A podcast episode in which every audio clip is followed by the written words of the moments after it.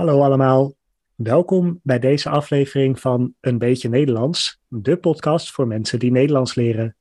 Mijn naam is Robin en vandaag zit ik hier samen met Mariska, NT2-docent bij Mama Dutch. Gezellig dat je er bent. Ja, vind ik ook. Dankjewel. Vandaag gaan we het hebben over iets typisch Nederlands en dat zijn geboortekaartjes. Yes. Mariska, jij hebt net een babytje gekregen. Heb je toen ook geboortekaartjes gestuurd? Zeker. Ja, geboortekaartjes eh, is een superleuke manier om aan iedereen te laten weten dat je baby er is. Eh, aan wie heb je die kaartjes dan gestuurd? Vooral aan familie en vrienden. Ja. En het was dus een fysiek kaartje. Het was niet een e-mail of een appje of zo. Het moet wel echt een, een postkaartje zijn. Ja, de traditie is wel dat het echt een kaartje is dat je op post doet.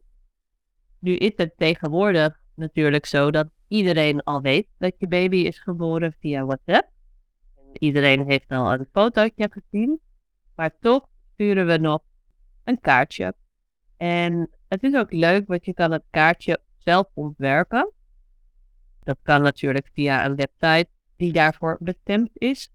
En op dat kaartje zet je dan de naam en het gewicht van de baby, de datum dat ze, zij of hij is geboren en de tijd dat hij is geboren.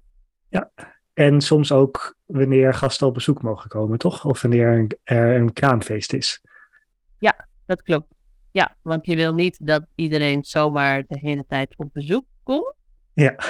Uh, dit, uh, meestal zet je iets van bel even voordat je komt. Gezellig als je komt, maar laat het even weten.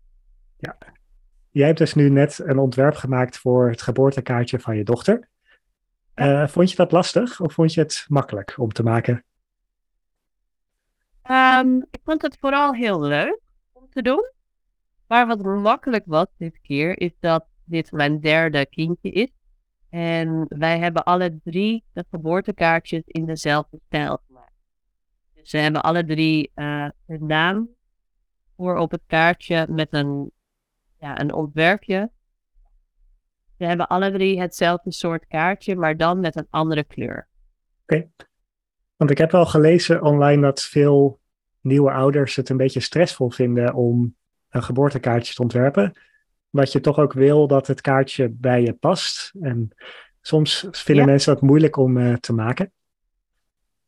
Wat stond er bij jullie op het kaartje? Stond er een, een tekening of een plaatje van een dier of zoiets? Nee, dat hadden wij niet. Dat zie je wel veel, inderdaad. Diertjes, of sterren, of manen, of figuurtjes. Maar wij hadden gewoon de naam voorop met een mooie kleur en wat sterretjes eromheen. En dan op de achterkant van het kaartje een kort zinnetje. Een zinnetje met eh, welkom lief meisje of hallo, wat fijn dat je er bent. En dan de hele naam en geboortedatum. Leuk. Ja. Ik zag ook wel dat het ontwerp van de geboortekaartjes ook een beetje gevoelig, gevoelig is voor mode. Bijvoorbeeld in de jaren tachtig waren engeltjes populair en hele uitgebreide tekeningen, maar dat is nu wat minder, hè? Ja, wat, je nu, wat ik nu veel zie bij vrienden ook, is dat het inderdaad wat strakker is. Soms zelfs alleen de naam. Of heel abstracte tekeningen. Ja, dat klopt wel. Maar diertjes blijven toch ook wel populair op de geboortekaartjes. Altijd Ja, goed. diertjes blijven altijd goed. Ja, bijvoorbeeld de ooievaar, wat natuurlijk het symbool is van de geboorte. Ja, precies. De ooievaar blijft altijd terugkomen. Die zie je zelfs eh, soms ook in de tuin staan. De ooievaar staat soms in de tuin bij mensen. Eh, maar ook op het geboortekaartje, ja. En het is echt een leuke traditie, vind ik zelf. Omdat je weer ook iets gaat posten, natuurlijk. En mensen Mhm. krijgen een kaartje. En wat er gebeurt, is dat mensen ook een kaartje terugsturen. Dus als je net een baby hebt gekregen, krijg je heel veel post. En dat is superleuk. En het is gewoon ook leuk om te bewaren. Zeker leuk om te doen. Oké, dus geboortekaartjes, iets typisch Nederlands. Zeker.